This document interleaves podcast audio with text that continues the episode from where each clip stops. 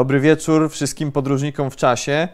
Ja się nazywam Daniel Tyborowski, to jest kanał Wszechnica, to są środowe spotkania z dziejami Ziemi. Dzisiaj o ryciu w mule będzie. Przyznam, że jeden z takich ciekawszych, moim zdaniem przynajmniej, tematów, a trochę mało chyba docenianych w paleontologii i geologii w ogóle. Porozmawiamy sobie dzisiaj o śladach, o tym, jakie ślady, jakie tak zwane ichnoskamieniałości pozostawiają po sobie wszelkiej maści organizmy. Zobaczycie, że te organizmy, ci co tworzą te ślady, mogą być niesłychanie zróżnicowani.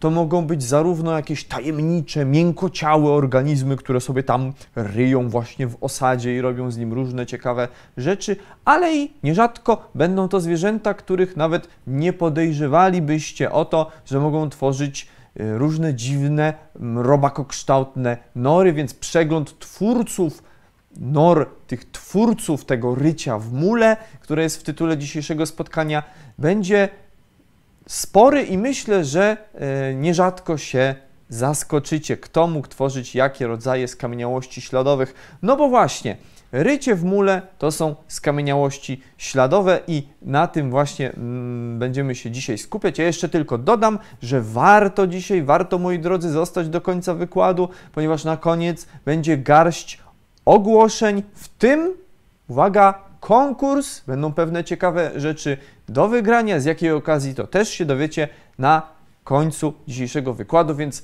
Zachęcam gorąco do pozostania z nami na żywo. A tymczasem jedziemy z tym śledziem, jak mawia klasyk, skamieniałości śladowe, ichnoskamieniałości, czyli to, co pozostaje między innymi po ryciu w mule właśnie, ale nie tylko.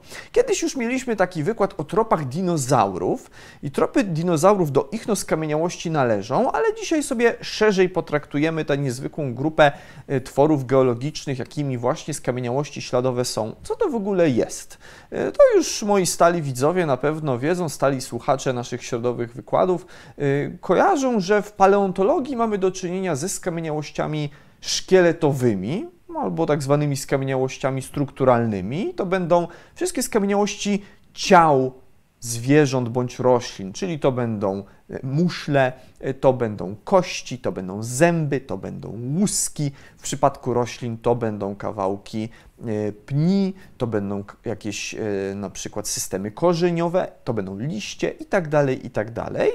Mogą to być również ciała organizmów całkowicie miękociałych, pozbawionych szkieletu. To są te skamieniałości strukturalne, czyli ciało wymarłego zwierzęcia. Zwierzątko się zdechło albo roślinka umarła i z tego się zrobiła skamieniałość. Ale jest druga grupa i to są właśnie skamieniałości śladowe, zwane inaczej ichnoskamieniałościami z angielskiego ichnofosil, ichnoskamieniałość. O nich dzisiaj sobie pogadamy. To są wszystkie te kopalne ślady, y, które pozostawiają po sobie organizmy za życia, czyli wszelkiej maści ślady działalności życiowej. Więc to mogą być oczywiście tropy, jak przeszedł sobie jakiś dinozaur i zostawił po sobie ślady swoich łap. To jest taki chyba najbardziej oczywisty przykład y, tych skamieniałości śladowych.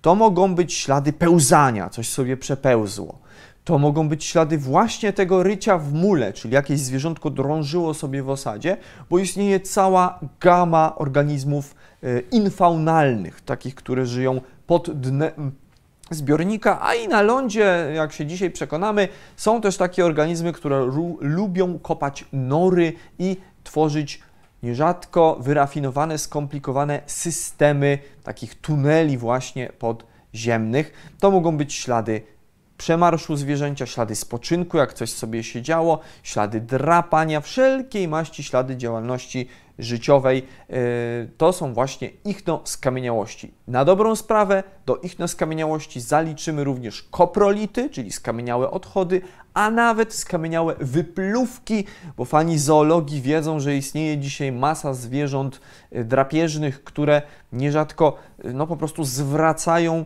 niestrawione części swoich smakowitych ofiar, na przykład fragmenty piór czy jakieś niestrawione kości. To też jak najbardziej się do śladów działalności życiowej zalicza i to także będą ichnoskamieniałości.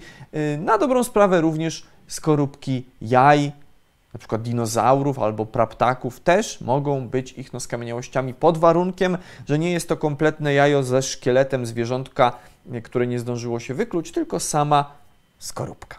E, więc to są te skamieniałości śladowe. Natomiast istnieje drugi termin, którym dzisiaj będę się często posługiwał, więc już dobrze, żebyśmy teraz sobie wyjaśnili, czym to się różni. Obok ichnoskamieniałości jest coś takiego, co nazywamy ichnofacjami. Facja w ogóle w paleontologii, w geologii y, jest to taki zespół pewnych cech, zespół właściwości danego osadu, danej skały, względem których możemy daną skałę charakteryzować. Y, więc y, no, w przypadku na przykład skał metamorficznych możemy mówić o facjach metamorfizmu, czyli konkretnych warunkach ciśnienia i temperatury, przy jakich dana skała powstawała.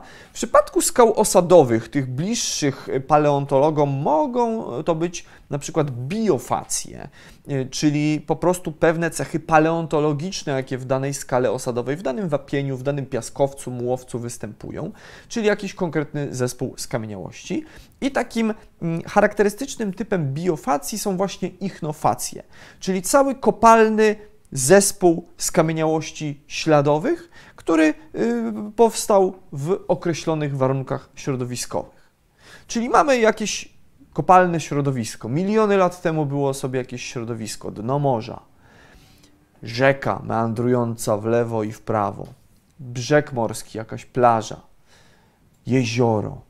I w takim środowisku żyły sobie różne organizmy, które po sobie pozostawiały charakterystyczne ichno skamieniałości po milionach lat na taki właśnie zespół ichnoskamieniałości, który powstał w określonych warunkach, mówimy, że jest to ichnofacja. Czyli ichnoskamieniałość to jest ta jedna skamieniałość pozostawiona przez jakieś zwierzątko, a ichnofacja to jest cały taki zespół, który jednocześnie nam będzie charakteryzował dane środowisko, będzie miał po prostu znaczenie, jak to się w paleontologii mówi, paleośrodowiskowe, paleoekologiczne. Będziemy na podstawie zespołu takich śladów w stanie zrekonstruować warunki środowiska. I to jest tak zwana analiza ichnofacji. Zobaczcie, jeżeli mamy przekrój w postaci takiego blok diagramu po prawej stronie, przekrój przez jakieś różne paleośrodowiska. Mamy jakiś skłon kontynentalny, więc stosunkowo głęboki zbiornik. Potem mamy jakiś płytki zbiornik, mamy jakąś e, taką strefę barierową, zdaje się, być może rafę. E, dalej mamy taką lagunę, czyli ten zbiornik między rafą a a plażą, a lądem, no to w każdym e, typie takiego środowiska będą występowały inne ichnofacje, inne zespoły skamieniałości śladowych, powstałe dlatego że były tam różne warunki środowiska, więc żyły tam różne grupy organizmów. Proste, Oczywiście, że proste, mam nadzieję, że wszyscy to rozumiemy. E, no i na końcu sobie parę słów e, na taką analizę ichnofacji poświęcimy. Omówimy te najważniejsze, najczęściej się powtarzające i jednocześnie najbardziej zróżnicowane wybrałem do tej prezentacji ichnofacje. A tutaj po lewej stronie wypisałem Wam zestaw cech, jakie na podstawie takiej analizy ichnofacjalnej jesteśmy w stanie zrekonstruować. I tu macie całą paletę informacji paleo środowiskowych. Zobaczcie, jakie sobie wybierzemy, jaki sobie wybierzemy parametr środowiska, to tam, y, to, to w zasadzie na podstawie tych ichnofacji, czyli zespołów ichnoskamieniałości, jesteśmy w stanie Mm, określić, więc mamy energię środowiska, ogólnie dynamikę środowiska. Czy było y, na przykład większe falowanie, czy mniejsze, czy to był spokojny zbiornik, czy były tam na przykład jakieś prądy zawiesinowe, tak jak na tym najbardziej z prawej strony środowisku, gdzieś, mm, gdzieś na samym dnie głębokiego, głębokiego zbiornika, możemy opisać zasolenie bo różne organizmy żyją w, w, zbiornikach, które będą czasami bardziej słone, czasami bardziej słodkie. E, może w jakichś wodach brakicznych, czyli takich o e, takim powiedzmy no, zmiennym zasoleniu, trochę słonym, trochę, trochę słodkim. E, możemy o, o, określić na podstawie ichnofacji natlenienie czyli czy środowisko, w środowisku było po prostu więcej tlenu, czy to było środowisko beztlenowe. Tutaj mamy podział po prostu środowisk na na takie, gdzie jest dużo tlenu i to są po prostu środowiska oksyczne. Mamy takie, gdzie są niedobory tlenu, czyli środowiska dyzoksyczne i mamy takie, które są całkowicie beztlenowe i to są środowiska euksyniczne. Y, I to na podstawie takich śladów po, po zwierzątku jesteśmy w stanie, czy całych ichnofacji zrekonstruować. Y, oczywiście temperaturę to na pewno też wiecie, że różne zwierzęta lubią żyć w różnych warunkach termicznych. Dostęp do światła, no tempo sedymentacji, tutaj z punktu widzenia paleontologa niesłychanie ważny mm, czynnik środowiskowy, niesłychanie ważny parametr.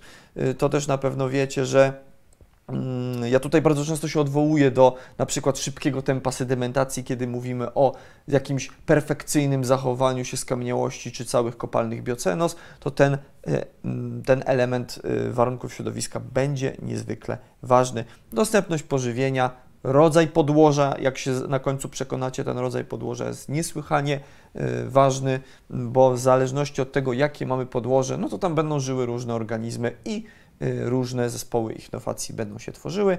Y, no i mamy tutaj tą obecność prądów zawiesinowych, to o czym wspomniałem, więc wszystko jesteśmy w stanie zrekonstruować dzięki ichnofacjom. Więc jest to niesłychanie dobre dobre narzędzie w rekonstrukcjach takich paleoekologicznych.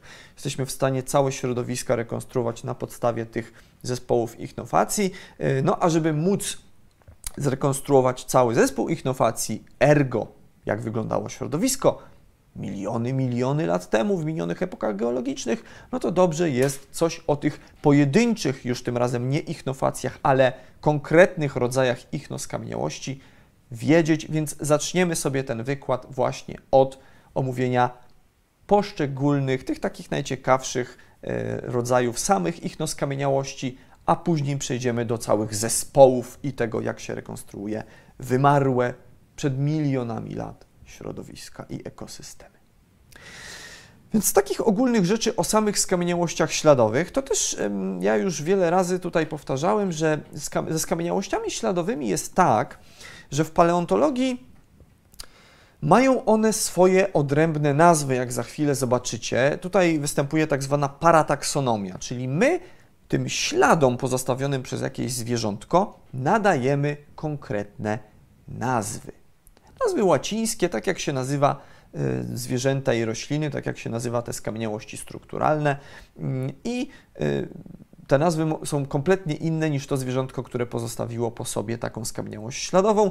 Może być też tak, że mamy jakiś jeden konkretny rodzaj, łacińską nazwę ichnoskamieniałości, którą może tworzyć kilka rodzajów różnych zwierząt. Taka sytuacja też się jak najbardziej, mm, jak najbardziej zdarza.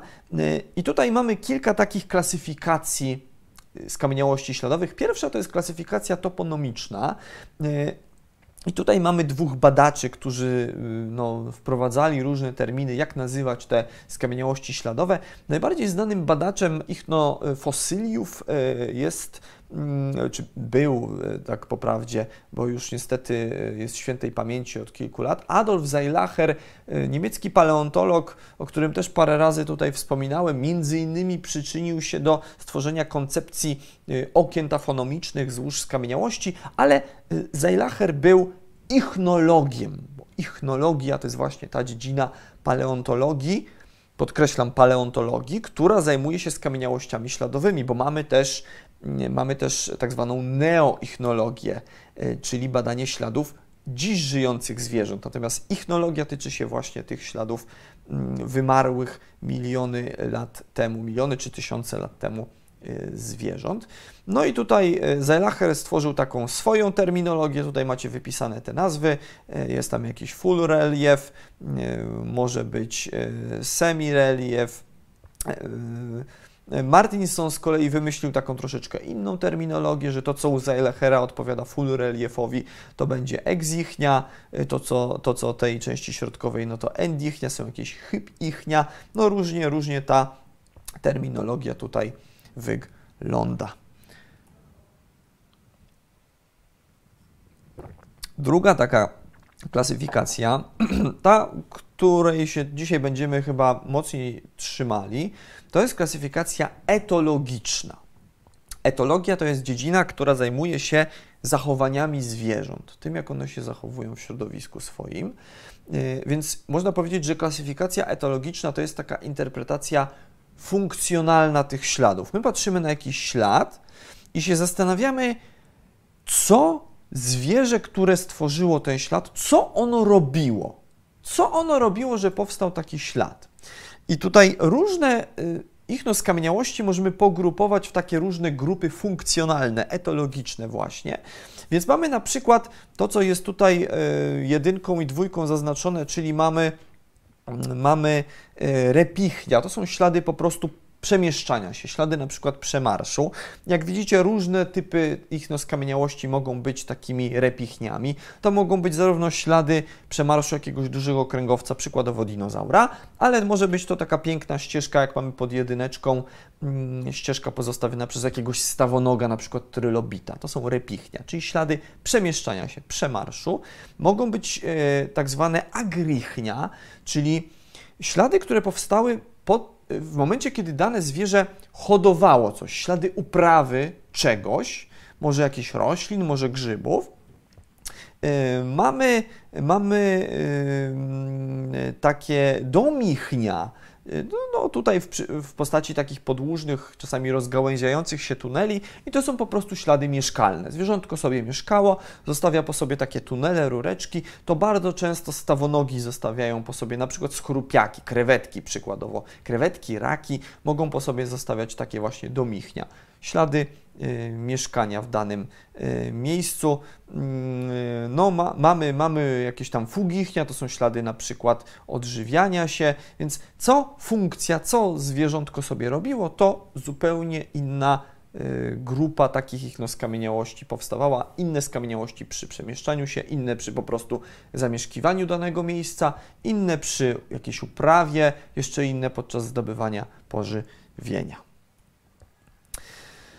No i teraz y, przechodząc powolutku do tych ich skamieniałości, zastanówmy się, jak to się w ogóle dzieje w przypadku, już skręcając w stronę tego rycia w mule, od którego zaczęliśmy wykład, którym ja zwabiłem Was na dzisiejsze spotkanie tytułem tego wykładu, jak to się dzieje, że w ogóle zachodzi rycie w mule. Dzisiaj to się może wydawać takie dosyć oczywiste, bo no, zwierzęta żyją na tej planecie, w tym w różnych zbiornikach od milionów, milionów czy nawet miliardów lat, e, ale e, jak tak pierwotnie dochodzi do tego, powiedzmy, zasiedlenia przez zwierzęta dna morskiego i w dalszej kolejności, w dalszym przełożeniu do stworzenia się na przykład jakichś zwierząt ryjących. No, podstawowa mm, Podstawowa sprawa jest taka, że w środowiskach wodnych y, to mogą być też środowiska jeziorne, ale głównie tutaj zostaniemy przy środowiskach morskich. Dochodzi do powstawania tak zwanych twardych den, i tak zwanych zespołów twardego podłoża. Co to są te twarde dna? E, no twarde dno z angielskiego to jest po prostu hard ground i to są w zapisie geologicznym niesłychanie powszechne sytuacje, że mamy po prostu jakieś dno, yy, które jest natychmiastowo kolonizowane przez wszelkiej maści organizmy. I tutaj na zdjęciach mamy, mamy przykłady takich właśnie twardych den. Po prawej strony w postaci już takiego mm, rdzenia wiertniczego, a z lewej strony taka no, y, żywa geologiczna sytuacja, gdzie mamy jakieś odsłonięcie i widzimy całe nagromadzenie muszli, jakichś zdaje się mięczaków, chyba małżów, być może też ramienionogów w odsłonięciu geologicznym i całe takie warstwy muszlowe się tworzą. No i mamy takie właśnie taką twardą powierzchnię, która jest natychmiast kolonizowana przez jakieś organizmy, przeważnie będące filtratorami, ale może być też taka sytuacja, że osad na dnie morza nie będzie po prostu zasiedlany, ale będzie przez mieszkańców dna morskiego, już trzymajmy się tego, tego morza, czy po prostu mieszkańców dna zbiornika, będzie przez te zwierzęta jakoś przerabiany. I wtedy mówimy o tak zwanej bioturbacji. Bioturbacja to jest po prostu deformowanie no, pierwotnego tego dna, pierwotnych osadów na dnie zbiornika na skutek organizmów, które ten osad penetrują. Nawet jak dzisiaj pojedziemy sobie nad Bałtyk, no to tam osad jest szczególnie w tych strefach przybrzeżnych dość dobrze zbioturbowany, chociaż oczywiście Bałtyk, no kondycja powiedzmy ekologiczna Bałtyku jest jaka jest. I to szczególnie się tyczy tych zwierząt właśnie zasiedlających e, dno, dno tego, tego morza, w którym się strefy beztlenowe niestety zdarzają. I do takiego pomoru na przykład małżów nierzadko dochodzi. Natomiast klasyczna sytuacja z bioturbacją wygląda tak jak na tej planszy mm, po po prawej stronie. To jest taki klasyczny y, przekrój czy profil geologiczny mm, odsłonięć odsłonięć y, końca y, Maastrichtu, czy przełomu Maastrichtu i Danu, a więc przełomu kredy i paleogenu, a więc przełomu ery mezozoicznej i kenozoicznej, wtedy kiedy miało miejsce mm, to wielkie wymieranie, które zabiło dinozaury 66 milionów lat temu, e, a konkretnie jest to profil z Danii, więc stosunkowo niedaleko nas.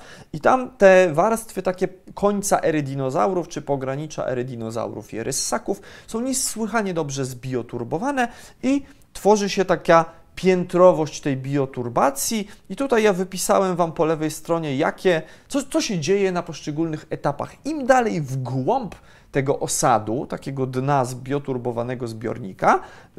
Tutaj na przykładzie tego zbiornika kredowego w Danii, ale tak naprawdę to się może tyczyć jakiegokolwiek zbiornika, w którym zjawiska bioturbacji zachodzą. Mamy właśnie taką piętrowość, czyli pod jedyneczką i pod dwójką w tych najpłytszych strefach no jest całkowita homogenizacja osadu przez różne zwierzęta, które dno tegoż zbiornika e, zasiedlają, więc wszelkiej maści epibentos, endobentos.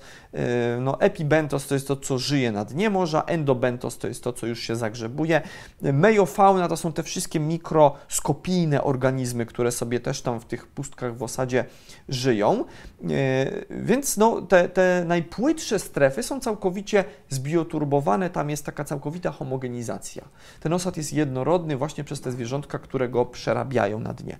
Ale im schodząc coraz niżej, tym sytuacja zaczyna ulegać zmianie i już pod trójką mamy y, no, taką homogenizację tylko przez pionowo ryjących w osadzie osadożerców, czyli w zasadzie no, głębiej niż ta strefa przypowierzchniowa, no, mogą y, głębiej schodzić tylko w zasadzie ci, co mają tam po co schodzić. Y, no bo ci, co żyją przy tej strefie 1 i 2, przy samej powierzchni, to to mogą być bardzo różne organizmy. To mogą być zwierzęta, które sobie po prostu siedzą na dnie morza i po nim chodzą. To mogą być zwierzęta, które się zagrzebują, ale w różnych celach, na przykład w celach ochronnych. Chcą się ochronić przed czatującymi w toni wodnej drapieżcami. To mogą być zwierzęta, które już po prostu zaczynają się odżywiać osadem, więc ten osad będzie dla nich naturalnym y, środowiskiem. Natomiast w trójce już mamy typowych osadożerców. Głębiej schodzi już tylko ten, kto naprawdę będzie chciał się odżywiać osadem. Czyli to rycie w mule będzie w celu jednocześnie pochłaniania tego mułu. No to nie musi być taki muł, y, wiecie, muł węglanowy sensu stricto, ale po prostu osad. Jeszcze niżej no, będziemy mieli takie duże tunele osadożernych, głównie skorupiaków, y, a na samym, na samym dnie gdzieś tam będą nory mieszkalne jakichś filtrujących y, organizmów, głównie powstające w celach ochronnych. Ktoś się bardzo, bardzo głęboko będzie chciał zakopać, żeby się schronić przed tymi zwierzętami, które mogłyby go z tych płytszych stref na przykład wykopać, wydobyć. Więc taki profil tej bioturbacji przeważnie występuje od Moi drodzy, początków Kambru, to, to ja też kiedyś opowiadałem o tym, że mm, ta bioturbacja tak naprawdę zaczęła powstawać gdzieś na przełomie prekambru i Kambru, czyli mniej więcej 540 milionów lat temu, na przełomie y, tych wielkich eonów prekambryjskiego i fanerozoicznego, czy, czy proterozoiku i fanerozoiku. Y, wcześniej w zasadzie dna mórz były pokryte w prekambrze przez maty mikrobialne. To był taki świat mat glonowych. Mm, nie było takiej możliwości, żeby jakieś zwierzęta zjadały ten osad, zgryzały go, bo on był taką twardą, no twardą jak twardą, ale na możliwości ówczesnych zwierząt całkiem twardą, warstwą tej maty glonowej e, dno było pokryte. Nie można było zagrzebywać się w osadzie, nie można było go jeść. W zasadzie tylko niewielkie jakieś zwierzęta sobie pełzały po takiej macie glonowej. Osad nie był zbioturbowany, nie był przez to natleniony, ale na przełomie prekambru i kambru właśnie, te 540, może troszkę więcej milionów lat temu, powstały prawdopodobnie wtedy pierwsze zwierzęta roślinożerne, które zaczęły tę matę sobie zgryzać. E, no jak zaczęły ją zgryzać, no to zaczęły się dokopywać do tego osadu. Wtedy można było w końcu zacząć się w tym osadzie zagrzebywać i to tak jak mówię z różnych powodów. W celach ochronnych, w celu jakiegoś płytkiego zagrzebania się, w celu głębokiego zagrzebania się, żeby tam stworzyć sobie norkę, albo po prostu, żeby ten osad móc zjeść i w tamtym momencie osad zaczął być bioturbowany, zaczął być natleniany, tlen z wody morskiej zaczął mieć w końcu dostęp do tych wszystkich przestrzeni y, między ziarnami osadu i, i między pustkami w nim, y, które są zawarte, więc jednocześnie różne organizmy mogły zacząć ulegać miniaturyzacji i w zasadzie przełom prekambru i kambru uznaje się za początek mikropaleontologii i powstania pierwszych mikroskamieniałości, no a w dalszym przełożeniu dzisiejszej mikrobiologii żyjących dzisiaj w morzach, oceanach, jeziorach mikroorganizmów. E, wtedy zaczęła się miniaturyzacja pewnych form. Nie mam tu na myśli oczywiście no, takich, wiecie, pierwotnych powiedzmy bakterii, tylko jakichś zwierząt czy roślin, które nagle zaczęły się miniaturyzować. Na przykład powstaje wtedy taki no, prawdziwy zooplankton. To właśnie wszystko dzięki ryciu w osadzie się zaczęło. No i takie mm, pierwsze kambryjskie y, ślady rycia w mule są to, y, są to y, nawet są to nawet e, no, takie mm, zachowane w, nawet w Polsce, niekiedy w Górach Świętokrzyskich, ślady, które wyznaczają tę bardzo, bardzo ważną granicę geologiczną. Na podstawie pewnej skamieniałości śladowej wyznacza się te granice prekambru i kambru, więc można powiedzieć, że tutaj skamieniałość śladowa ma znaczenie biostratygraficzne. Zwykle, kiedy myślimy o skamieniałościach, które się do datowań nadają, no to są to jednak skamieniałości strukturalne, jakieś skamieniałości trylobitów, amonitów, tego typu rzeczy, albo mikrofauna. Rzadziej do głowy przychodzą nam skamieniałości śladowe, a tu proszę, mamy ślady rycia w mule, które wyznaczają nam jedną z tych najważniejszych mm, granic geologicznych w dziejach naszej planety tak naprawdę. Wtedy, kiedy życie zaczęło drążyć w osadzie, kiedy zaczęły powstawać takie no, znane nam dzisiaj łańcuchy pokarmowe. Y, I to jest taki prosty ślad, przyznacie, tutaj widzimy to y, i na oryginalnych skamieniałościach, a na tym blok diagramie z prawej strony na dole mamy też pokazane, jak to wyglądało. Jest to taka norka, jakby ukształtna, gdzieś tam się tak odchodzi kolejna od, od poprzedniej komory.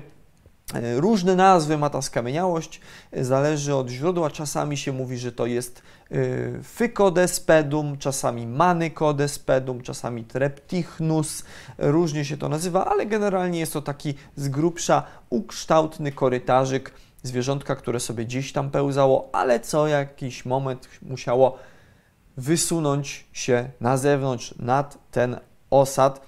Więc co by to mogło być? No dzisiaj takimi organizmami, które tworzą uderzająco podobne, czy w zasadzie takie same, takie same, y, takie właśnie neo y, ichnoskamieniałości są takie robaki zwane priapuloidami.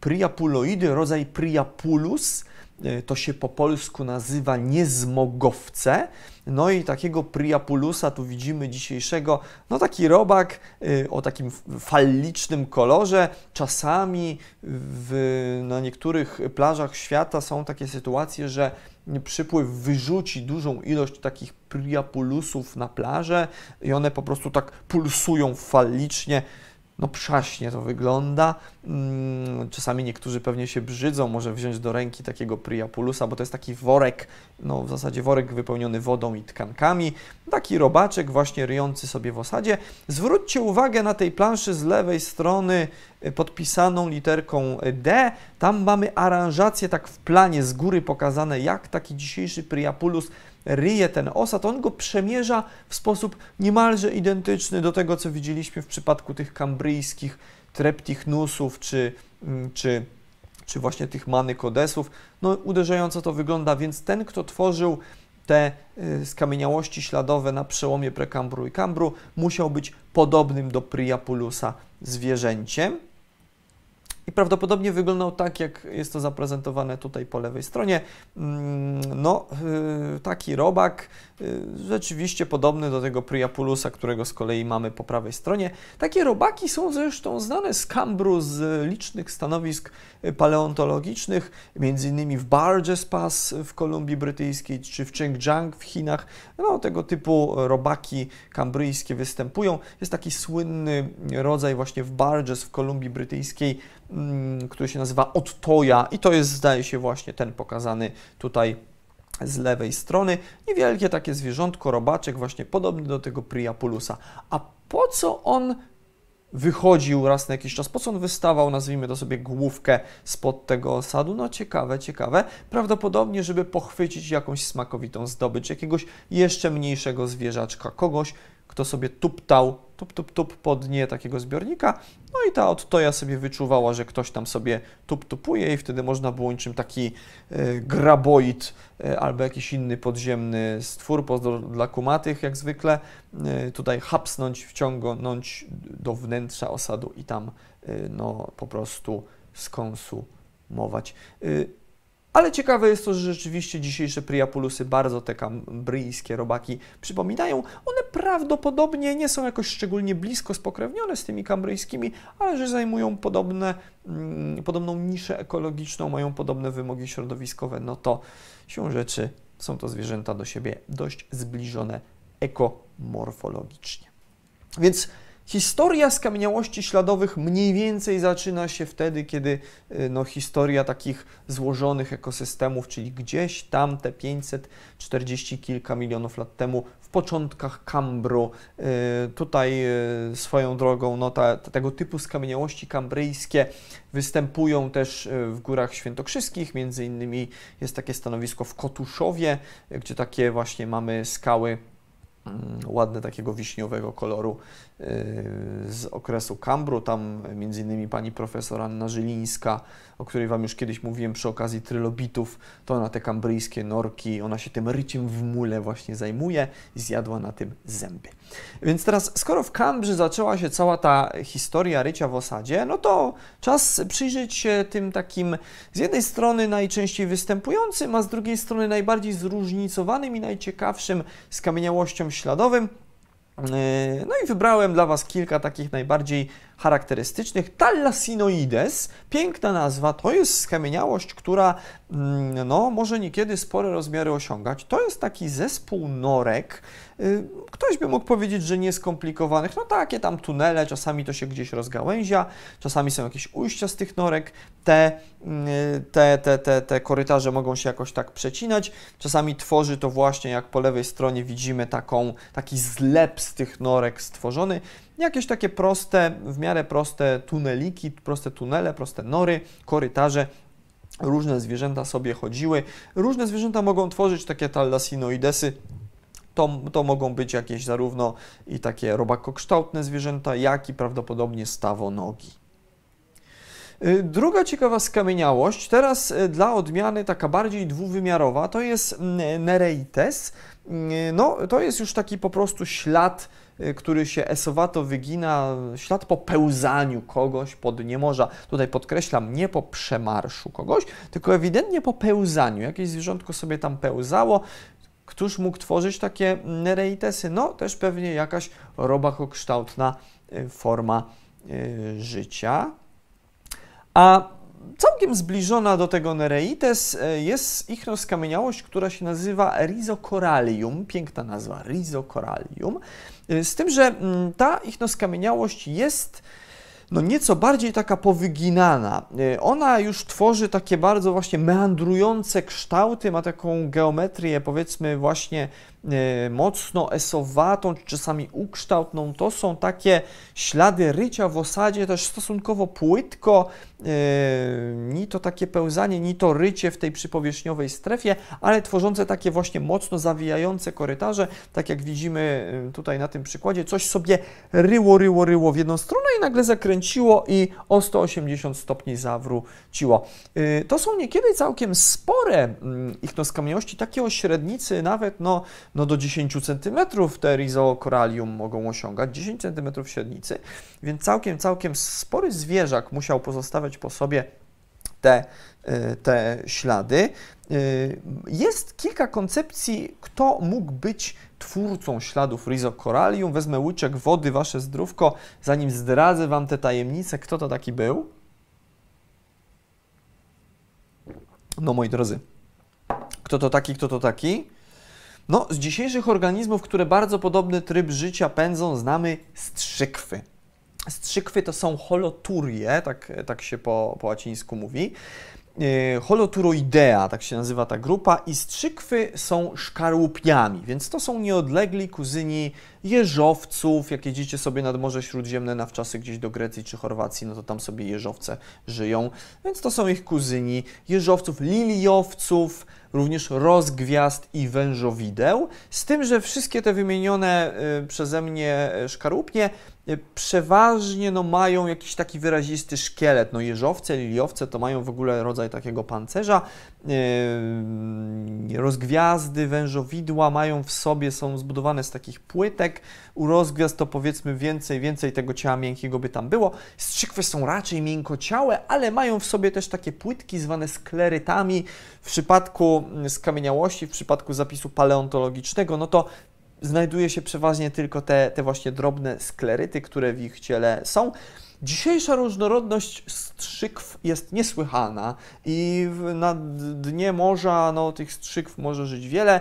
Jedne są takie dosyć proste, jak ta pani strzykwa tutaj, taki wężowaty zwierzak, który może podnieść swoją część głowową i tutaj swoimi czułkami nam pomachać, ale niektóre mają takie jakby odnóża, mają długie takie wężowate ciało i co jakiś fragment jest para odnóży. No i to sobie tak to sobie tak się przemieszcza. Inne są bardziej zwarte, krótkie, mają kilka par odnóży i jeszcze jakieś dodatkowe elementy wystają po tej grzbietowej, w cudzysłowie, stronie ciała. Mm, one się poruszają generalnie dzięki takim właśnie podobnym troszeczkę do tego Priapulusa i tych kambryjskich robaków, takim y, mm, no, no, jakby y, pneumatycznym ruchom ciała. To znaczy jest pewna taka fala pobudzenia, która się przez to wydłużone ciało przemieszcza i w ten sposób to zwierzę się porusza.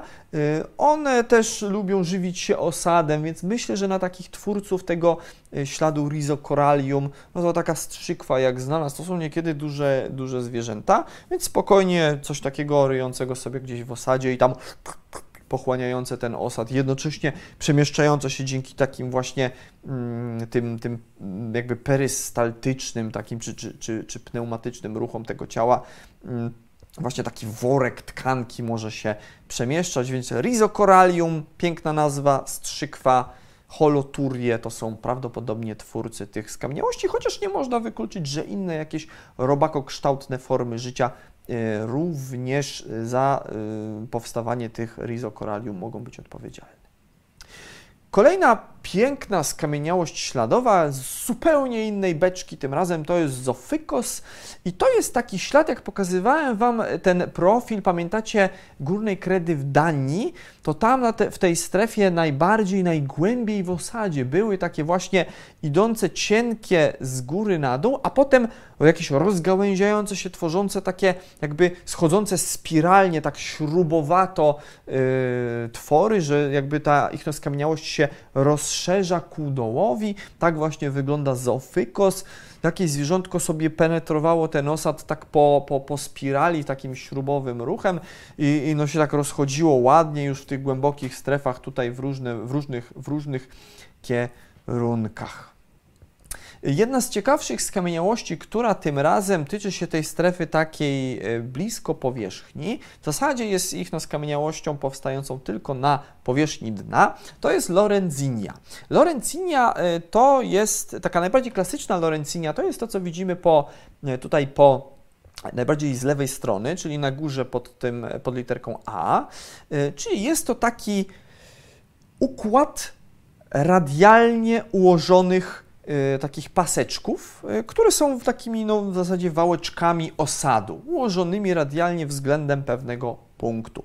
Mm, są to struktury nieduże, tu mamy skalę powiedzmy no tam 1 cm widzimy, więc kilkucentymetrowe. Dzisiaj za powstawanie tego typu ich no, skamieniałości odpowiadają nieduże ryby. Jakieś małe rybki, które sobie żyją, yy, które żyją E, sobie gdzieś przy dnie morza i tworzą tego typu różne konstrukcje właśnie w tej strefie dennej, na przykład po prostu ze zwykłego piachu. E, no więc Lorencinia może nie być jakąś super tutaj spektakularną ichnoskamieniałością, ale możemy ją sobie potraktować jako swego rodzaju e, wstęp do innej ciekawej ichnoskamieniałości, która nosi nazwę Oscul ichnus. Tutaj mamy całą taką płytę w Wapie, w, w Dewońskim, Dewońskiej skały, na której mamy takie liczne, widzicie, dołki. Każdy taki jeden dołeczek, do, do, do, skali mamy oczywiście młotek geologiczny, a jakże, jak zwykle, no, każdy taki dołeczek to jest jeden taki oskul ichnus. No i mamy taką płytę, która jest tymi oskul ichnusami, czy też ichnos kamieniałościami z rodzaju oskul ichnos usiana. Co to może być? No, ta płyta konkretnie pochodzi z Polski, mianowicie z Gór Świętokrzyskich, tak jak powiedziałem, z Devonu, z miejscowości Ujazd. To jest, jak to zna Góry Świętokrzyskie, niedaleko zamku Krzysztopór.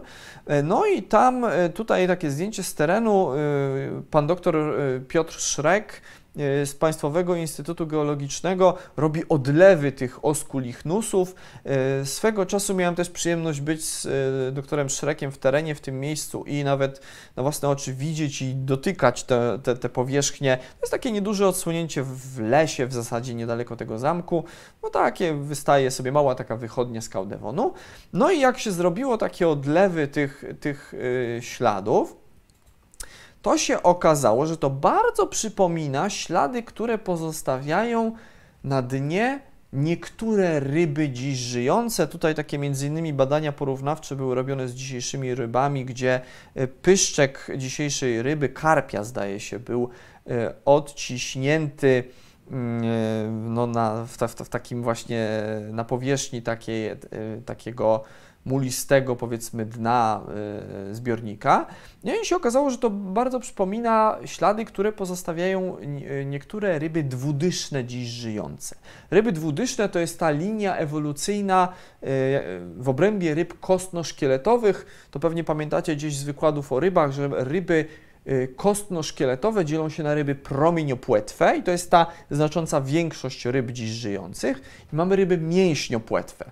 Do ryb mięśniopłetwych między innymi należą te, y, no, z których my, czworonogi, powstaliśmy, ale też są dziś żyjące ryby y, dwudyszne. Dzisiaj ryby mięśniopłetwe to jest w zasadzie tylko enigmatyczna latimeria i trzy gatunki ryb właśnie dwudysznych. Jeden żyje w Australii, jeden w Afryce, jeden w Ameryce Południowej, e, a w Dewonie były to ryby dużo bardziej zróżnicowane i takie dosyć powszechne. W Polsce między innymi żyły, no i takie rybie pyszczki, gdzie widzimy tą górną e, wargę tej, tej ryby, ona jest tak nasunięta, tak, tak wiecie, tak, no tak, o tak sobie nachodzi, ta górna, górna tutaj warga właśnie mięsisty, ten ryjek tak na tą dolną, no i te rybki sobie gdzieś tam skubały ten, ten osad. To ciekawe, na podstawie tej, tych płyt z ujazdu tam się udało stwierdzić, że e, no, e, te ryby skubały ten osad pod różnymi kątami. W ogóle ryby dwudyszne są e, durofagami. One się żywią twardą zdobyczą,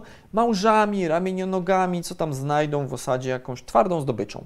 Małże lubią się zagrzebywać w osadzie i sobie siedzieć właśnie na takiej jednej powierzchni na dnie zbiornika, co jakiś fragment siedzi sobie małż. No i takie ryby dwudyszne podpływały i cap tego małża i cap. I co ciekawe, tam się udało określić, że one, niektóre rzeczywiście łapały te małże jakby tak w pionie, po prostu pod kątem prostym do dna zbiornika atakowały i łapały te, te małże, ale inne na przykład atakowały już pod takim bardziej połogim kątem. Prawdopodobnie wtedy, robiąc to, w ogóle penetrowały osad i swoimi zmysłami, głównie węchem, starały się wyczuć, w którym miejscu będzie małż, a dopiero kiedy wiedziały, gdzie on się znajduje, to wtedy atakowały pod kątem prostym od góry. Więc zobaczcie, ile informacji jesteśmy w stanie z takiej jednej małej dziury w kamieniu wycisnąć. E, no, nie tylko powiedzieć, co, co za zwierzę pozostawiło taki ślad, ale również jak to zwierzę żyło, jak polowało nie tylko, że się żywiło tymi małżami, ale że no, tutaj atakowało raz z góry, raz penetrowało ten osad z boku i były z tym związane różne funkcje życiowe, zupełnie inna biologia funkcjonalna takiej rybki, więc niech żyją skamieniałości śladowe, wiele z nich można wyczytać. Ale powiedziałem na początku tego wykładu, że pokażę Wam dzisiaj też takie mm, ichnoskamieniałości, które powstawały na skutek działalności organizmów, których byście pewnie no, nie posądzali o to, że mogli takie, takie twory y, no, no, tutaj y, wytwarzać. jest coś takiego, taki diabelski korkociąg. To w Stanach Zjednoczonych, między innymi w stanie Nebraska, liczne są w osadach y, oligocenu i miocenu, czyli te mniej więcej powiedzmy 20 i 20 kilka i kilkanaście milionów lat temu, takie właśnie diabelskie korkociągi.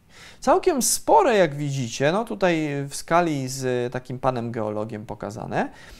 Cóż to mogło być? Y, no, diabelski korkociąg, y, no, stąd taka nazwa, że sądzono, że to jakieś diabelskie moce musiały tego typu ślad y, wytworzyć, że jest to duża struktura, no to pewnie jakie duże zwierzę. Co się okazuje? W końcu udało się znaleźć na końcu jednego z takich korkociągów, czyli takich tuneli, szkielet, który mamy tutaj w przybliżeniu po prawej stronie, to jest szkielet bobra bóbr. My dzisiaj bobry raczej kojarzymy ze zwierzętami takimi powiedzmy spowinowaconymi z wodą, to znaczy bobry, bobry budują tamy, są ssaki raczej takie wodne. Swoją drogą sprawdźcie sobie w internecie, jak wygląda taka neo, y, neo-ichnoskamieniałość, dzisiejszy ślad pozostawiony przez współczesnego nam bobra. Wygląda niesłychanie, to, są, to jest taka płaska, długa taka, taka linia szeroka i co jakiś czas ślady stópek. Bo po prostu większość tego śladu to jest ten ogon płaski, który bóbr za sobą ciągnie. Natomiast te mioceńskie i oligoceńskie bobry, należące swoją drogą do rodzaju paleokastor, no, tworzyły takie właśnie tunele i bardziej trybem życia prawdopodobnie przypominały coś w rodzaju dzisiejszego susła preriowego, Yy, może trochę kto, komuś by się to mogło skojarzyć z jakąś norą borsuka, ale prawdopodobnie trybem życia to zwierzę przypominało susły, susły, być może świstaki. No taka nora znowu spiralnie śrubowo schodząca i na końcu taka nazwijmy to sobie komora mieszkalna, gdzie to zwierzątko sobie siedziało i tutaj takiego bobra E, tego paleokastor mamy właśnie na końcu zachowanego, ale długo, długo nie wiedziano, co tworzyło te nory, no bo nie udało się znaleźć takiej, za pierwszym razem, takiej kompletnej, e, kompletnego tego diabelskiego korkociąga z komorą mieszkalną na końcu, aż w końcu się udało, no i teraz już wiemy. Y, chyba jedną z takich najciekawszych skamieniałości śladowych y, jest, y, są skamieniałości w ogóle pozostawione przez stawonogi, na przykład trylobity. Ja na wykładzie o trylobitach tam o tym szerzej mówiłem, mm, więc, więc no dzisiaj tego nie będę jakoś rozwijał, ale tutaj pokazuję te plansze, żeby uzmysłowić Wam fakt, że jedno zwierzę, dany gatunek zwierzęcia, jeden osobnik jest w stanie mm, stworzyć różne skamieniałości śladowe, w zależności oczywiście od tego, co robi w danym momencie. Trylobity, wymarłe stawonogi z ery paleozoicznej, które wymarły ostatnie powiedzmy te 250 milionów lat temu, no, y, są tego chyba najlepszym przykładem. Klasyczny taki y, y, ślad trylobita to jest kruzjana. W Polsce tych kruzjan też mamy całkiem sporo. Największe znane są z Kambru, z kamieniołomu Wiśniówka Wielka w Górach Świętokrzyskich. Yy, to jest kamieniołom olbrzymi swoją drogą, takich kwarcytów i piaskowców kwarcytowych yy, w pasmie masłowskim położony. Tam te kruzjany, no to takie byki są długie jak, jak jakiś solidny, nie wiem, pyton czy jakiś inny wąż. Yy, no i to jest ślad pełzania trylobita, czyli trylobit no nie, powiedzmy tutaj nie, nie, nie, nie, jakoś nie spożytkował za dużo energii na przemieszczanie się, raczej miał ciało nisko uniesione, gdzieś tam się tak czołgał po tym osadzie tarczą głowową i tymi swoimi policzkami e, ruchomymi tarł po osadzie i tworzyła się taka kruzjana. Pozostawał ślady właśnie tej tarczy, tych policzków oraz na środku ślady po, po swoich odnóżach. Y, natomiast kiedy chciał przyspieszyć kroku i już raczej nie pełzał, tylko tak po prostu maszerował po dnie, wtedy kruzjana mogła się przekształcić w ślad, który się nazywa diplichnites. I on już wygląda zupełnie inaczej. Nie mamy po bokach tych ostrych linii, które pozostawiały policzki trylobita, bo one były całkowicie uniesione i są takie płynne sekwencje yy, przemarszu trylobita, który właśnie zmienia się z pełzania na kroczenie, ale co jakiś czas taka sekwencja przemieszczenia się trylobita może być urozmaicona śladem, który się nazywa rusofykus i to jest po prostu ślad spoczynku trylobita. Trylobicik sobie nagle przycupnął, stwierdził, teraz se posiedzę, no i siedział. No i mamy takie ładny, charakterystyczny, widzicie na dole z lewej strony, jak takie dwa, powiedzmy, przytulone do siebie bochenki, tak to z grubsza wygląda. W, wiś w wiśniówce też jest takich całkiem sporo. No i mamy sekwencję. Ruzofykus przechodzi w kruzjanę, kruzjana w diplichnitesa, może być na odwrót. W dowolnej y, sekwencji tak naprawdę możemy te trzy typy śladów pozostawione przez trylobity zostawić. Y, sama, sam na przykład diplichnites jest skamieniałością, którą nie tylko trylobity musiały pozostawiać, bo wiele dzisiejszych morskich stawonogów skorupiaki również mogą tworzyć. I dzisiaj, więc takie nazwijmy to sobie w uproszczeniu neodiplichnitesy mm, no, no też, też mogą powstawać, więc to nie jest tak, że tylko trylobity zostawiały tego typu y, ichnoskamieniałości, ale oczywiście najbardziej kojarzymy, szczególnie myślę Kruzjanę i Ruzofykusa właśnie z tą grupą wymarłych stawonogów, ale pamiętajcie, że to nie musi być reguła, no i oczywiście to, że jedna skamieniałość może przechodzić w drugą. No dobrze, omówiliśmy sobie te najciekawsze typy poszczególnych y, ichnoskamieniałości. Teraz przyszedł czas na te ichnofacje, czyli całe zespoły. Y, okazuje się, że pewne rodzaje ichnoskamieniałości lubią występować ze sobą y, w tych samych typach środowisk. To jest rzecz oczywista, no bo dane zwierzęta, które będą tworzyły określone rodzaje ichnoskamieniałości, lubią żyć podobnym środowisku, w danym typie środowiska, y, no więc te ichnoskamieniałości będą się powtarzały właśnie w danym typie środowiskowym. I zaczynamy od ichnofacji Kruzjana, nazwanej od ichnoskamieniałości Kruzjana. To wygląda mniej więcej tak, jak widzicie na tym blok diagramie. Macie wypisaną ładnie listę 10 tutaj występujących najczęściej rodzajów ichnoskamieniałości. Część z nich omówiliśmy, ja ich tu nie będę teraz wszystkich wymieniał. Generalnie ichnofacja Kruzjana to jest przewaga jednak takich e, albo nor płytkich, jakichś horyzontalnych albo lekko, lekko wchodzących w ten osad. Generalnie środowisko gdzieś płyciutkie. Te, te norki są płytko e, przy samej tej strefie powierzchniowej. Tu nie wchodzimy zbyt głęboko w osad, więc dominują tacy płytcy yy, osadożercy. Jest bardzo duża różnorodność, gęsto jest od tych śladów, no bo to są środowiska przybrzeżne, yy, gdzie to życie aż tętni. To mogą być środowiska proste, to nie musi być nie wiadomo co. Yy, proste, prosty jakiś brzeg zbiornika, tam wszystko to, to sobie żyje, jakieś stawonogi właśnie, mogą być szkarłupnie, które będą sobie pełzały, mogą być jakieś robakokształtne formy życia, wszystko sobie pełza po osadzie albo delikatnie, płciutko się w ten osad zagrzebuje. Dalej mamy ichnofację Psilon ichnus i tu już mamy do czynienia z czymś zupełnie innym. To jest środowisko, no też płytkie, ale w inny sposób. Tutaj będą dominowały nam pionowe rury horyzontalne, często rozgałęziające się w kształt litery Y albo litery U albo J, będzie, będzie masa też jakichś śladów takich horyzontalnych na powierzchni osadu. Będzie również sporo śladów dużych lądowych kręgowców, jakieś tropy mogą być dinozaurów, jeśli jesteśmy w erze mezozoicznej. Y, mogą być y, ślady ssaków, jeżeli mówimy o erze, erze kenozoicznej, mogą być ślady jakichś, nie wiem, innych gadów czy płazów, jeżeli mówimy o erze paleozoicznej przed dinozaurami. No i często powierzchnia dna w przypadku takiej ichnofacji mm, jest pokryta matą glonową, po prostu jest jakaś mata z sinic, bo są to środowiska płytkie, tak, żeby właśnie te kręgowce miały tam dostęp. To może być jakaś na przykład równia pływowa odsłonięta gdzieś w trakcie odpływu. Wtedy wszystkie stawonogi, y, no właśnie, które normalnie y, tworzą sobie nory, będą wychodziły na zewnątrz. Znacie to pewnie z filmów dokumentalnych. Mamy taką równię odsłoniętą, jakieś kraby, inne stawonogi wychodzą i czasami do takiego świata małych zwierząt wejdzie jakieś większe zwierzę.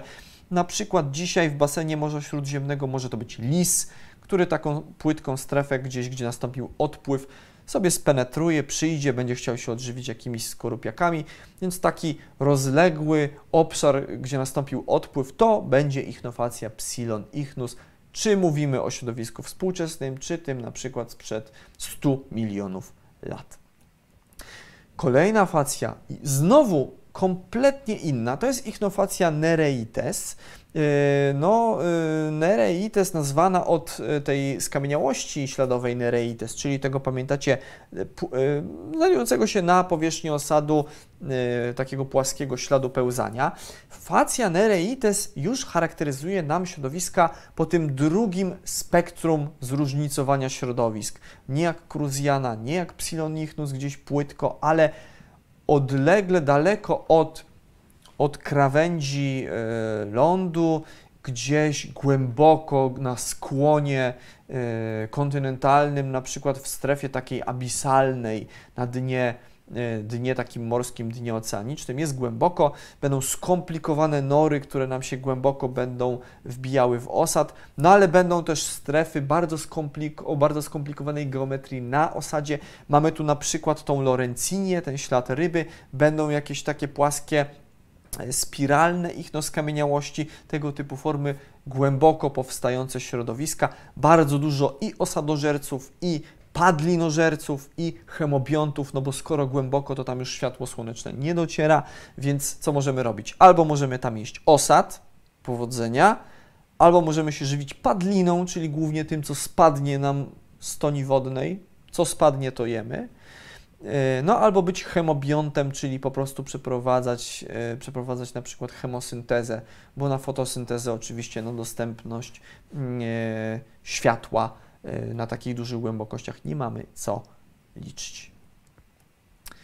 Kolejna ichnowacja to jest ichnowacja skolitos y, i ona z kolei charakteryzuje raczej pionowe ślady, to będą y, takie dosyć skomplikowane, zagrzebujące się w osad ichnoskamieniałości, y, ukształtne bądź jakieś rurkowate, pozostawione przez albo organizmy filtrujące, przez filtratory, które się po prostu zagrzebują w osadzie.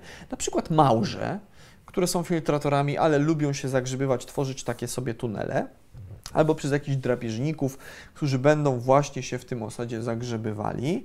E, mogą to być ślady pozostawione tak zwane E, ekwilibrichnia. Pamiętacie na początku, jak mówiłem Wam o tym podziale etologicznym ichnoskamieniałości, że tam mogą być w zależności od tego, czy to jest ichnoskamieniałość, która powstała przy zdobywaniu pokarmu, czy podczas mieszkania, czy podczas uprawiania czegoś, czy po, podczas po prostu przemarszu, to mogą być też takie ślady związane z utrzymaniem równowagi w osadzie żeby się nie przychylić ani w jedną, ani w drugą stronę, to się jest tak zwane ekwilibrichnia.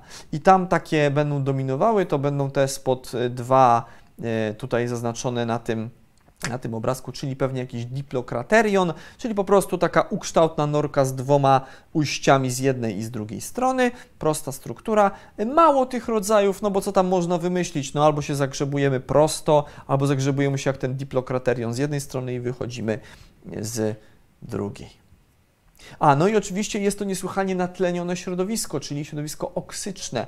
Jest bardzo dobrze zbioturbowane, tam już wszyscy penetrują ten osad, nikt już tam się nie skupia na życiu na powierzchni, tylko wszyscy starają się zagrzebywać jak najgłębiej, więc pełne takie natlenienie można swobodnie, nawet, nawet głęboko będąc zagrzebanym sobie oddychać. E, dalej mamy ichnofację zofykos. E, to jest z kolei środowisko z niedoborem tlenu. E, wcześniej mieliśmy, mieliśmy to środowisko takie bardzo natlenione. Tu mamy z niedoborem tlenu proste takie struktury. Mamy ten zofykos, taki właśnie spiralnie wychodzący. Jest też jakiś spirofyton, no takie właśnie śmiesznie wyglądające, śrubowate ichnoskamieniałości. Głównie to będą po prostu osadożercy, już nie, filtrat, nie jakieś filtratory czy drapieżniki, ale raczej ten, kto się żywi osadem po prostu. Mogą dochodzić całkiem głęboko, no ale jest to środowisko Y, takie raczej, raczej zubożone w tlen, głównie ze względu na to, że zofykos raczej występuje po prostu głębiej, podobnie trochę jak ten nereites. No i ostatnia ichnofacja, żeby Wam pokazać teraz zupełnie inny typ podłoża, bo przeważnie te wszystkie do tej pory, no to był jakiś po prostu osad, to znaczy to był, mógł być piasek, mógł być jakieś skały wapienne, muł, yy, tego typu ślady mineralne. Istnieje też facja teredolites, która yy, występuje wyłącznie w środowiskach w których dno zbudowane jest ze szczątków roślin, więc albo będą tam jakieś duże fragmenty drewna, albo będzie po prostu węgiel, e, albo torf może być w przypadku zbiornika na przykład słodkowodnego jakiegoś wypłycającego się jeziora, no albo jakieś pokłady ogólnie lignitów, czyli no, tkanek roślinnych. No i w takim drewnie kto e, drąży? No, no drewnojady, ci, którzy będą sobie żywili się tkan martwymi tkankami roślinnymi. E, no i to są takie raczej krótsze bądź, bądź głębiej sięgające, ale dosyć proste, jak widzicie, nory typu Teredolites o kształcie takim, e, no takiej powiedzmy sobie, nie wiem, e, karawki, czy jakiejś takiej banieczki, lekko, lekko rozszerzające się ku dołowi, ale, ale nieznacznie, no i tempo zakończone. Jeżeli środowisko jest morskie, no to tam oczywiście będą sięgały głębiej. W środowiskach słodkowodnych, na przykład w jeziorach, raczej te terodolitesy są dosyć, to jest taka płytko występująca echnofacja, to są tylko jakieś takie płytkie natrawienia tej tkanki roślinnej, a nie jakieś głębokie, głębokie takie y, mocne, mocne rycia. Y, no i tu mamy przekrój tych y, ichnofacji, jak widzicie, każda z nich, oczywiście wszystkich tutaj nie wymieniliśmy, bo też czasu by nam nie, nie starczyło, już godzinę wykładu mamy, więc postanowiłem no, pokazać Wam tutaj tylko te takie najbardziej zróżnicowane i najczęściej spotykane, ale tych ichnofacji może być dużo, dużo dużo, dużo więcej. No i mamy pełen taki przekrój tych środowisk. Zwróćcie uwagę, no ten Nereites E, najbardziej z prawej strony strefa abisalna, czyli głęboko gdzieś tam na dnie oceanu, e, więc tam będą ci hemobionci, e, będą jacyś pewnie padlinożercy i osadożercy.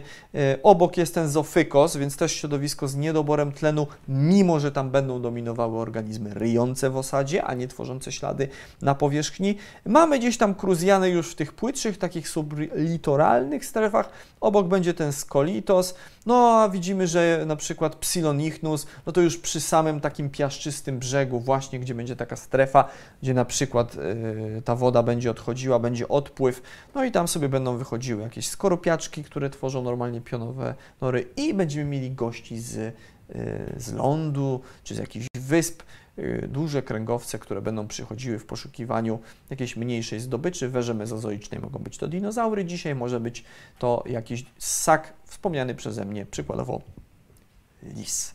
Y, więc to jest potężne narzędzie ichnoskamieniałości. Ichnoskamieniałości i ichnofacje. Paleontolog jest w stanie zrekonstruować kopalny ekosystem. Jak widzicie, z dość dużą precyzją na podstawie takich no, skamieniałości jesteśmy w stanie powiedzieć, czy to było głęboko w ogóle, czy to było płytko, jaki był typ podłoża. Czy był tam, zwróćcie uwagę, czy był ten odpływ na przykład, to jesteśmy w stanie powiedzieć. Czy było to środowisko okresowo wynurzające się spod wody? Jakie było natlenienie? Czy dobre było nasłonecznienie? E, czy, czy w tym środowisku była duża dynamika, czy na przykład był duży stopień tej bioturbacji, czy też nie? E, czy dominowały na przykład maty glonowe, czy nie? Więc potężne, potężne narzędzie, często stosowane przez paleontologów, przez geologów ich skamieniałości, mają swoją rzeszę fanów, oczywiście tak zwanych ichnologów. E, I mam nadzieję, że po dzisiejszym wykładzie Wy również fanami ichnologii po zostaniecie. Teraz chętnie z Wami pogadam. Y, mam jeszcze kilka ogłoszeń, tak jak powiedziałem, więc warto, warto zostać, zostać z nami do końca. Teraz rzućmy okiem, co tam w temacie ichnoskamieniałości Was najbardziej zaciekawiło. Dziękuję Panu za wykład, wykład o kotach szablozemnych, oby jak najwięcej wykładów o zwierzętach prehistorycznych, zwłaszcza o ssakach, napisał Zakarion. Bardzo się cieszę, że się spodobało. Już niedługo też planuję kolejne wykłady o ssakach. Jeszcze dzisiaj może do końca nic nie zdradzę, ale w niedalekiej przyszłości będzie o jednym takim dużym, konkretnym z Polską zresztą mocno związanym ssaku, więc jest na co czekać, ale nie powiem e, o jakim. Możecie się domyślać. Bardzo taki e, no, z Polską związany, ale całkowicie wymarły zwierz.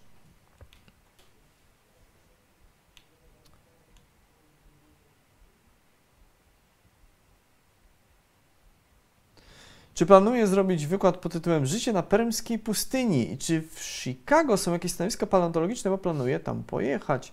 Napisał Franciszek Najda. No był wykład Życie w karbońskim lesie, więc myślę, że życie na permskiej pustyni jest to ciekawe, panie Franciszku, i myślę, że myślę, że jest to dobry pomysł. Dziękuję. Myślę, że niedługo sobie w takim razie o permskiej pustyni też pogadamy. A co z tym Chicago? Y, no, okolice, powiedzmy, stan Illinois, mm, to nie jest jakiś super, taki bardzo chyba paleontologiczny region Stanów Zjednoczonych. Mm, w, no w stanie Illinois są karbońskie stanowiska, między innymi jedno z najważniejszych stanowisk paleontologicznych na świecie, Mason Creek. To jest kilka takich odsłonięć. Jak blisko jest to Chicago, to przyznam się, że nie wiem, ale y, Illinois to chyba nie jest jakiś duży stan, y, nawet jak na, na Stany Zjednoczone, więc podejrzewam, że niedaleko. Więc jeżeli będzie Pan tam w okolicy, to kon koniecznie Mason Creek proponuję sobie wpisać y, w wyszukiwarkę i tam różne odsłonięcia, to nie jest jeden kamieniołom, to jest zespół takich odsłonięć, tam te skamieniałości w takich konkrecjach występują cała masa różnych skamieniałości, od skrzypłoczy i krewetek po rekiny, płazy, gady, jakieś różne tajemnicze, miękociałe zwierzęta. Y, różne zwierzęta, które w karbońskim morzu i na karbońskich bagnach żyły, bo tam przekrój środowisk też był całkiem spory.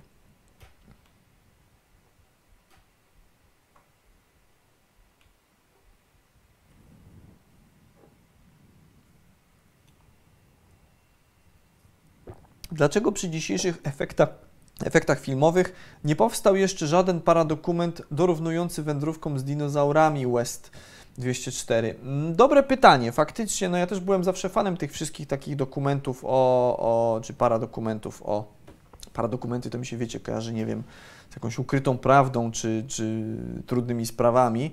To jest taki dokument, no, fabularyzowany, powiedzmy, o dinozaurach. Dobre pytanie, nie wiem tego. Y, rzeczywiście dzisiaj jak się dzisiaj włączy wędrówki z dinozaurami czy wędrówki z bestiami, to one miejscami y, y, no, no, y, trącą myszką. I to faktycznie, ja, ja inaczej zapamiętałem te, te produkcje, one się jednak trochę zestarzały i czasami niektóre rzeczy lepiej pozostawić w swojej pamięci i już po latach nie wracać do nich, ale myślę, że za jakiś czas pewnie ktoś zrobi BBC czy ktoś, dzisiaj dominuje rzeczywiście takie tanie CGI, przez to, że to jest dostępna technologia, to się w tych wszystkich dokumentach o e, prehistorycznej faunie dominują jednak tanie efekty komputerowe. To no, CGI jest, jest takie nie, nie, mało wyszukane, przez co te efekty też nie są dobre, nie? A fajnie by było, żeby rzeczywiście może jakieś połączenie dobrego CGI z mechatroniką znowu, no, ale wiecie, nawet w filmach fabularnych o dinozaurach mamy Jurassic Worldy, gdzie jak Chris Pratt chce dotknąć dinozaura, no to to wygląda po prostu źle. To wygląda po prostu źle. Nie wiem, no w tych Jurassic Worldach nawet jak takie duże studio jak Universal słabe ma te efekty komputerowe. No mi się to źle ogląda. No to co dopiero po jakichś filmach dokumentalnych. Ale hej, niedawno mieliśmy Godzilla vs. Kong, gdzie wielka małpa wyglądała super, więc może ktoś inny się za to weźmie i Kong vs. Godzilla to jest chyba Paramount, więc nie, nie, kłamie. To jest Legendary i Warner Bros., więc inne studio. To zależy chyba od studia, jak to tam pracuje nad tymi filmami, więc dobre studio musi się za to wziąć i wtedy będziemy mieli fajne, dobrze zrekonstruowane stwory. Chciałbym to zobaczyć.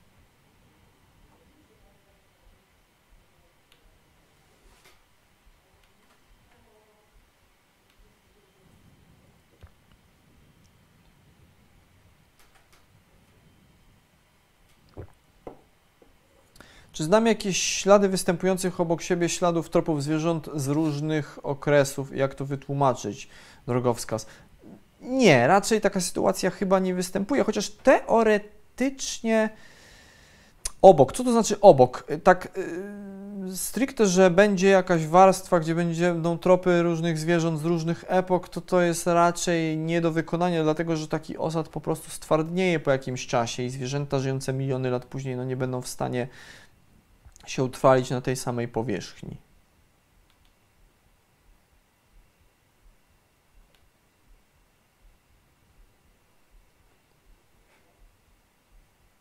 Czy gastrolity zauropodów to też skamieniałości śladowe? Marko Markus. Gastrolity to są te kamienie, które zauropody połykały, żeby pomóc sobie w trawieniu. Więc to jest kamień, tak naprawdę. To jest kawałek skały. Więc technicznie to chyba nie jest skamieniałość śladowa, no bo to jest taki twór, wiecie, poza powstały, jakby poza działalnością samego dinozaura, chociaż on go używa, to jest bardziej narzędzie wykorzystane przez niego, prawda? Myślę, że ichnolodzy by się tutaj spierali. To trzeba zapytać jakiegoś eksperta od ichnologii, profesora Uchmana z UJ na przykład, albo właśnie panią profesor Żylińską e, z Wydziału Geologii, co by oni na ten temat powiedzieli. Ja bym chyba tego nie zaliczył do, do ich skamieniałości. Wiecie, koprolity tak, no bo to wytwarza taki dinozaur. Wypluwka też, ślad też, jajo też. Gastrolit nawet jeżeli znajdziemy cały szkielet dinozaura i w środku, w jego bebechach będą, w miejscu, gdzie były bebechy, będą gastrolity, no to to też nie jest skamieniałość śladowa, bo mamy cały szkielet tego dinozaura, nie? Jest to takie dyskusyjne, ale raczej nie.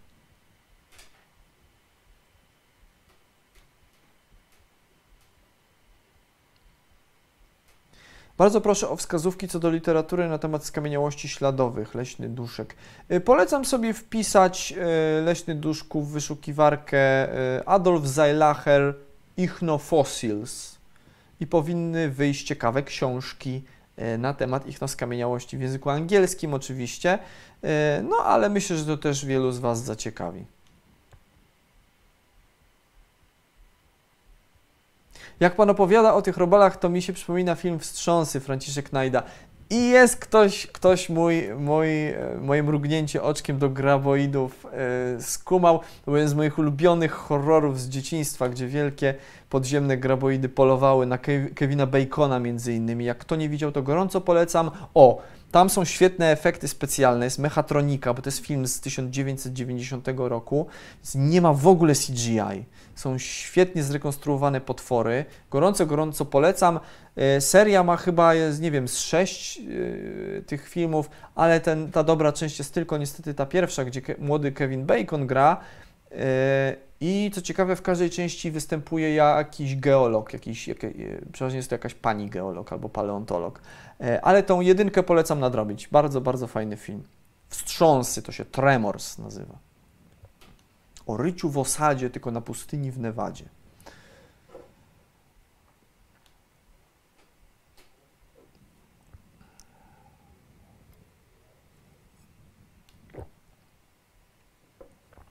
Strzykwy to ruchome worki.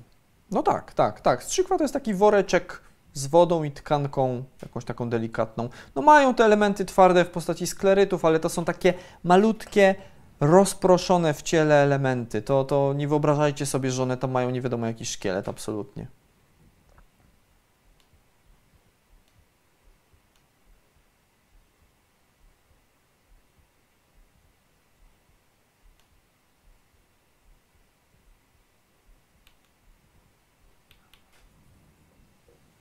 Może wykład o entelodontach. Ryszard Brodowski. Może, myślałem też o wielkich jakichś tam praświniach czy kimś takim. Zobaczymy.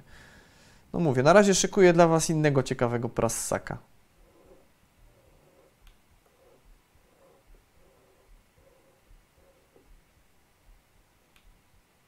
Wykład o koralowcach z dawnych epok geologicznych.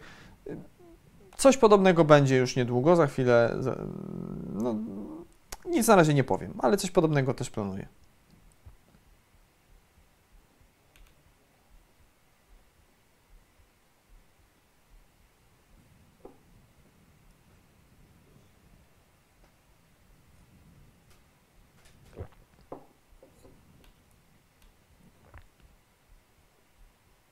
Czy będzie wykład o owadach społecznych, Lady of River? to chyba jakieś bardziej pytanie do entomologa, tak mi się wydaje, bo w paleontologii owady społeczne to tak mają chyba jednak kiepski, wiecie, zapis kopalny. To jest jednak taka grupa mało kojarząca się z paleontologią, tak mi się wydaje, chociaż oczywiście taka dziedzina jak paleo entomologia również istnieje, ale myślę, że no musiałbym dużo, dużo materiałów zebrać dla Was na ten temat.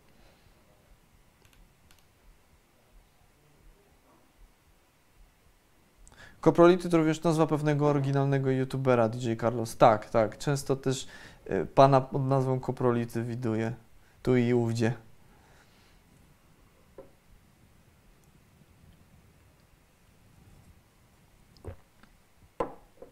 A Krzysiek H tutaj.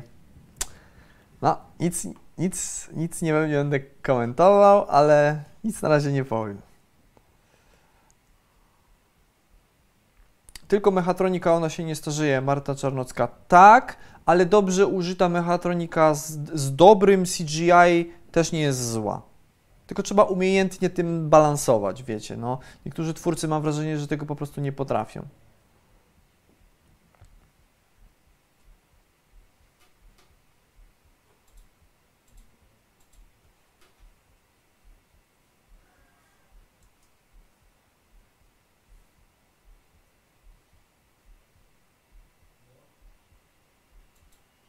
Zajmuję się bioturbacjami w dzisiejszych osadach i fajnie się słuchało o skamieniałościach w tym temacie.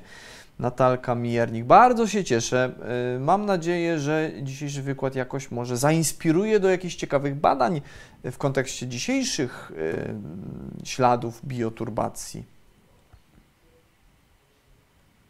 Dobra, mamy 16 po. Jeszcze spróbuję ze dwa pytanka wyłuskać, bo jeszcze mam dla Was garść y, ogłoszeń i ciekawych informacji.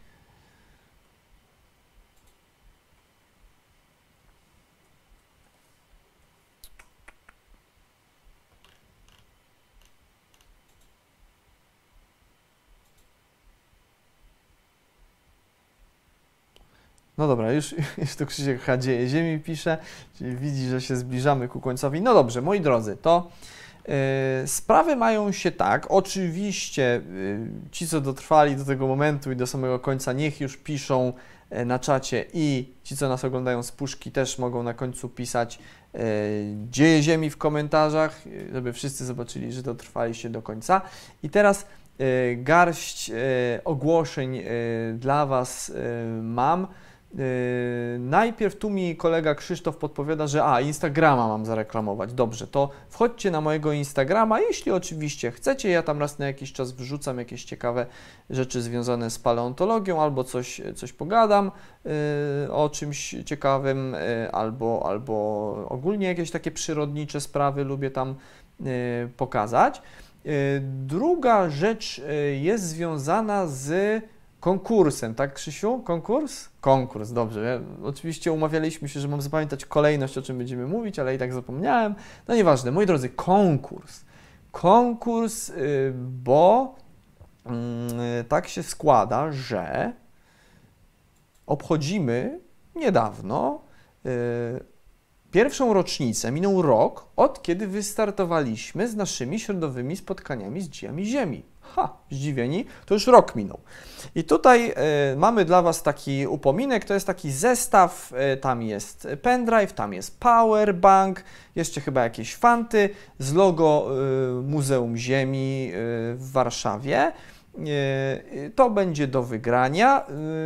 Co zrobić, aby wygrać takie fanty? Otóż, moi drodzy, musicie przysłać nam na mail który e, jest na ekranie, czyli dzieje ziemi 100 małpa gmail.com, musicie napisać kiedy, jaka jest data pierwszych środowych spotkań z dziećmi Ziemi.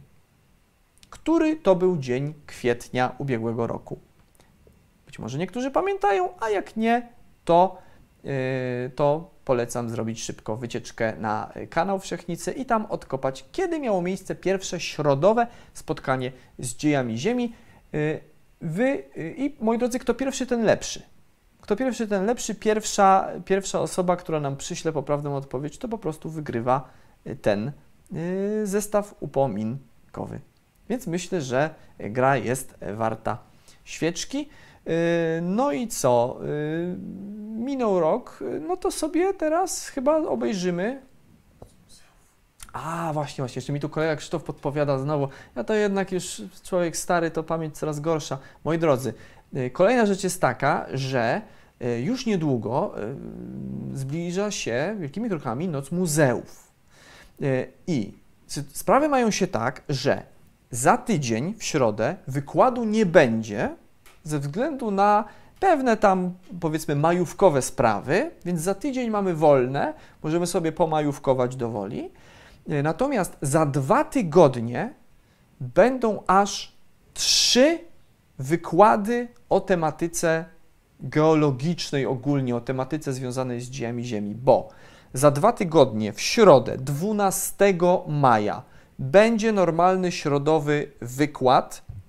Wykład będzie się tyczył yy, prehistorycznych mieszkańców Sejmu. Kiedyś, dawno, dawno temu, jeszcze w ubiegłym roku, obiecałem Wam wykład o skamieniałościach z Sejmu.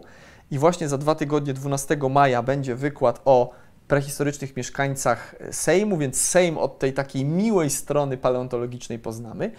To, to 12 maja. Natomiast w sobotę, 15 maja, jest, moi drodzy, Noc Muzeów. I wtedy zapraszam Was tu na kanale na dwa wykłady na żywo. Pierwszy e, wygłosi moja e, szanowna koleżanka z Muzeum Ziemi, dr Roxana Maćkowska, e, która jest mineralogiem i będzie to wykład o meteorytach, więc wszystkich fanów tego, co spadło z nieba, już teraz zapraszam. A po Roxanie ja wygłoszę wykład o najdziwniejszych wymarłych zwierzętach. E, w odpowiedniej zakładce na kanale zdaje się, że już są wydarzenia do tych wykładów dostępne, więc już się tam widziałem, że niektórzy z Was już je odkopali, e, więc e, zachęcam, żeby nas Noc Muzeów po prostu oglądać. Jeszcze zobaczymy, jak to będzie wyglądało. Prawdopodobnie, wiecie, teraz wschodzą obostrzenia, więc prawdopodobnie częściowo będziemy mogli niektórych z Was gościć na tych y, wykładach y, na Noc Muzeów w siedzibie Muzeum Ziemi, bo te dwa wykłady odbędą się właśnie w Alei na Skarpie w siedzibie Muzeum Ziemi w Warszawie. Ale to jeszcze bliżej, bliżej tego terminu będziemy Was informowali. Tak czy inaczej, kto nie może przybyć do Warszawy albo dla kogo już miejsca nie starczy, no bo oczywiście tam pewne covidowe takie reżimy sanitarne będą, to będzie można to na żywo obejrzeć na YouTubie. Więc jeszcze raz, za tydzień wykładu nie ma, za dwa tygodnie w środę wykład o Sejmie, a w sobotę 15 mamy dwa wykłady o meteorytach i o najdziwniejszych wymarłych zwierzętach, więc jest na co czekać. Trzy niesamowite wykłady w jednym tygodniu. Gorąco, gorąco za Chęcam, bierzcie udział też w konkursie, o którym powiedziałem, kto pierwszy, ten lepszy, fanty muzealne do wygrania. No a teraz co, z okazji tego, że minął e, rok, no to sobie obejrzyjmy, jak to przez ten rok było.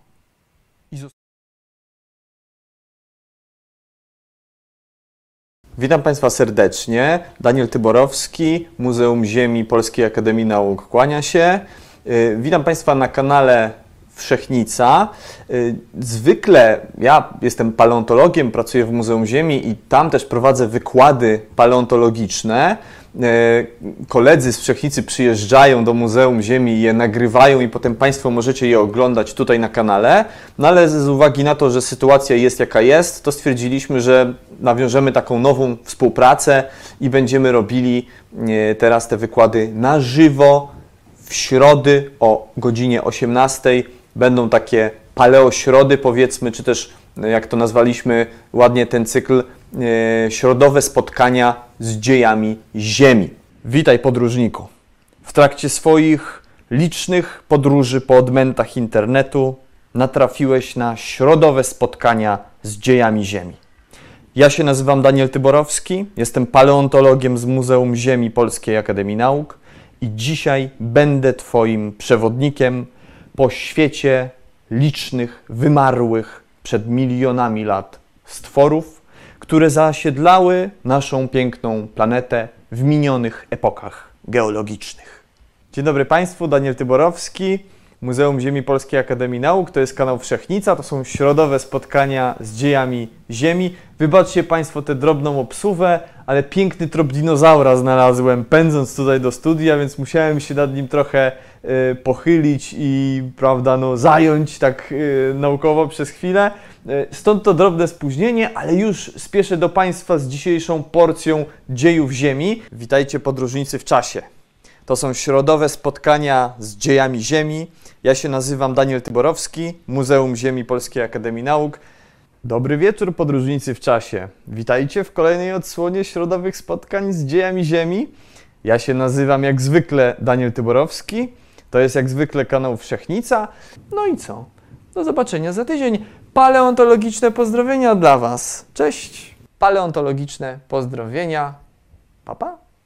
środowe spotkania z dziejami Ziemi już za tydzień o godzinie 18. Paleontologiczne pozdrowienia. Tony Stark polskiej paleontologii kłania się w pas. Do zobaczenia. Hej.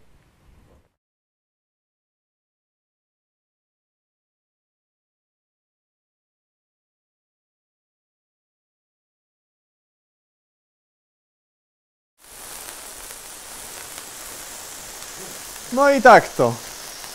Oby, obyśmy się widzieli jeszcze tutaj długo, długo na naszych środowych spotkaniach.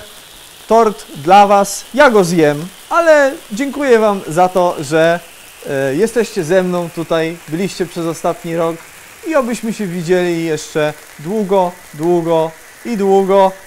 Mam nadzieję, że mi to w twarz nie wybuchnie. E, o, skończyło się i tak to do zobaczenia. Paleontologiczne pozdrowienia. Pa!